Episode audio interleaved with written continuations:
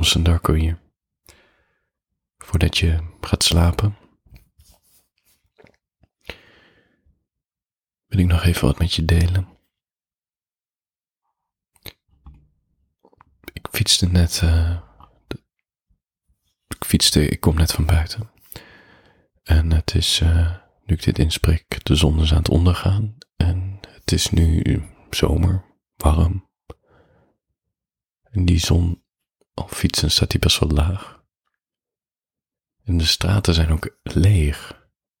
En het is zo, leeg dat ik bij een kruispunt schrok, dat er opeens een auto van rechts kwam. En het was zo'n auto met allemaal van die stickers erop. Eh, en er zaten twee van die, nou ja, sportieve dames in. En één dame, een blonde dame met een wit shirt, die zat heel veel te gebaren dat ik uh, voor mocht gaan. Maar ja, ik was al half afgestapt door mijn noodstop. Dus het duurde even voordat ik weer op die fiets zat en weer wat vaart had. Ja, ik voelde me gelijk schuldig. En vervolgens uh, sloegen zij linksaf, dus ik begreep wel dat ze me voorlieten. En nou ja, ik fietste zo door, terug naar huis. En ja, ik snap het nummer wel van Lana Del Rey, Summertime Sadness. Ik voel me ook altijd, dit heb ik denk ik al bijna mijn hele leven gehad, al vanaf jongs af aan. Ik voel me altijd een beetje bedroefd in de zomer. Omdat bijna iedereen weg is. Uh, in ieder geval als kind, mijn vriendjes waren dan een paar weken weg. Die zaten dan ergens op de camping. En dan gingen wij zelf ook op een gegeven moment uh, natuurlijk weg. En een gedeelte van de zomer was mijn vader gewoon aan het werk, dus dat voelde ook een beetje raar. Ja, het was vakantie, maar tegelijkertijd ook niet.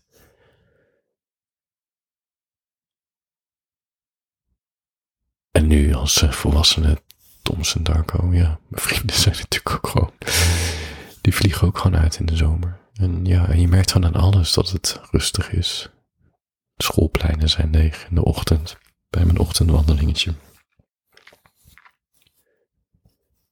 Is rustiger in de trein, rustiger in de supermarkt, rustiger op de weg. Het geeft me ook een gevoel dat ik, dat ik iets mis of zo. Maar ik weet niet zo goed wat. Dat ik niet het maximale uit dit mooie weer en het, de, de zon die pas om half elf ondergaat, dat ik daar iets, uh, dat ik niet het maximale eruit haal. Ja.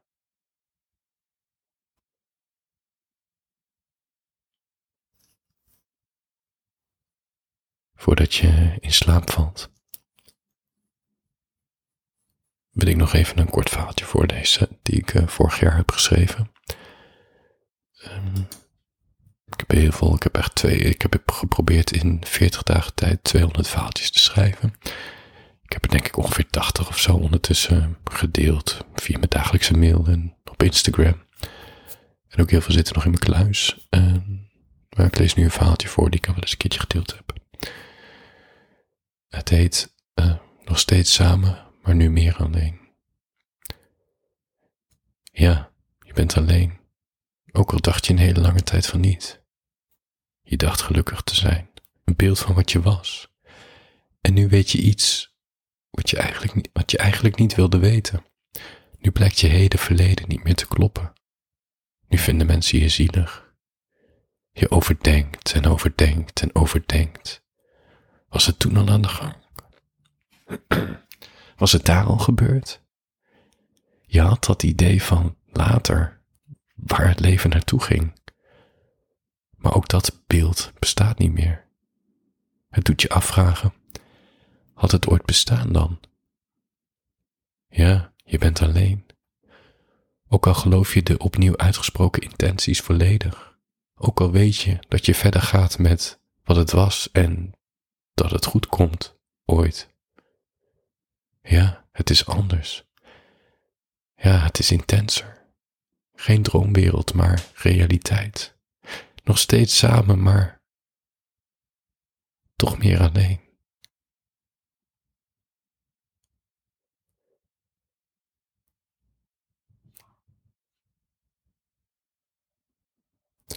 Ik heb al die vaaltjes ben ik gaan nummeren. Dus nummer 75. Maar volgens mij ben ik op een gegeven moment opgehouden met nummeren. Het was te veel werk en niemand let erop. Droog. Ik zit nu naar de nummer te kijken. Ehm, voordat je gaat slapen, nog één ding. Ehm, ik zat een. Uh, ik zat te lezen. Doe ik wel eens vaker. 80 boeken per jaar probeer ik te halen. Ik uh, loop iets achter. Maak je daar maar niet druk om. Um, dit boek heet, uh, Care of the Soul van Thomas More. En hij had een stukje waar hij het had over dat kinderen elke dag tekenen en schilderen en het fantastisch vinden om hun werk te laten zien aan anderen en het op de muur te plakken of nou ja, op de koelkast met zo'n magneetje. En misschien is het wel een uiting van de ziel dat we dat doen. Een manier hoe we in het leven staan. En het gekke is dat we als volwassenen dat we dat niet meer zo doen. Dat, dat uiten van onze gevoelens of gewoon onze fantasie en het, het spelen in creativiteit met kleurtjes ja, om het op te hangen en een paar weken later weg te gooien. Want als volwassenen denken we dat alleen kunstenaars dat doen en dat het altijd iets moet voorstellen. En als het dan iets voorstelt, dat het dan in een museum komt te hangen of een uh, gallery.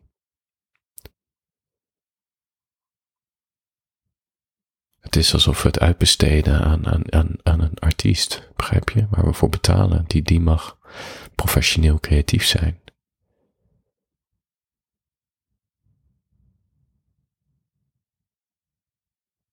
En het mag geen geheim zijn, maar we zijn natuurlijk allemaal best wel verward en voelen ons vaak, nou ja, laat ik niet zeggen vaak, maar we voelen allemaal een gevoel van leegte en, en hoe het nou moet met de wereld. En het is zo verwarrend allemaal en zo complex. En ja, hoe moeten we het allemaal uitleggen en, en wie moet je geloven?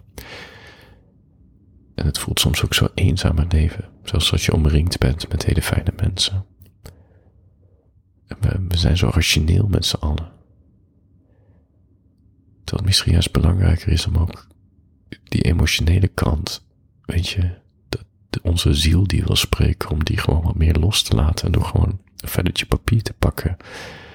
En wat, wat stiften halen bij de HEMA. Of wat kleurpotloden bij de kruidvat of zo. En gewoon tekenen. Desnoods een kleurenboek pakken en, en kleuren. Kan is maar een half uurtje of kwartier. In plaats van voor de 600ste keer de mail-app openen. Daar ben ik vooral schuldig aan.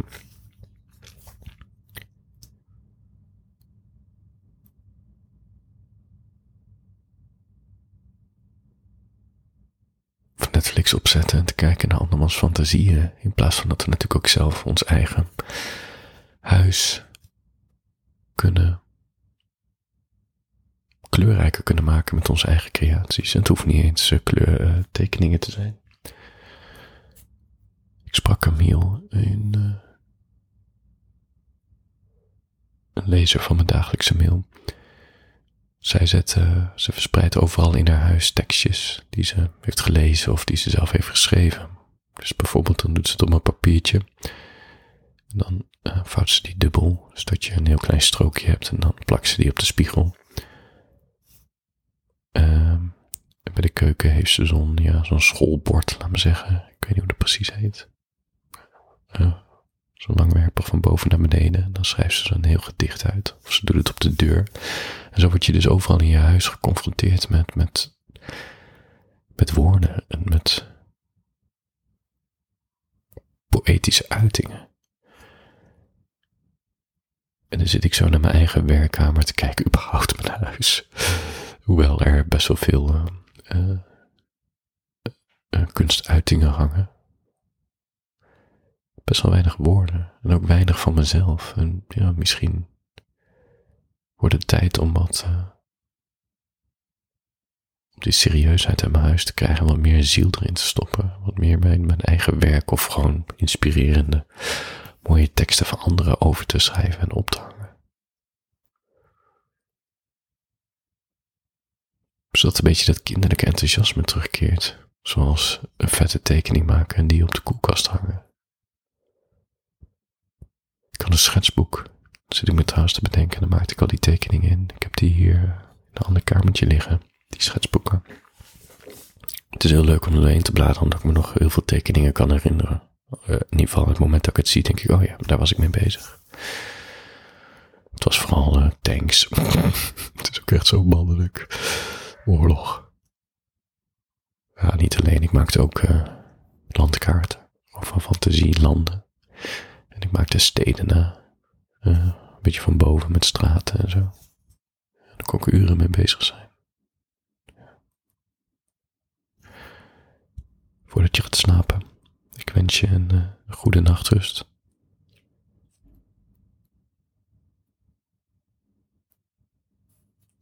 Morgen nieuwe dag.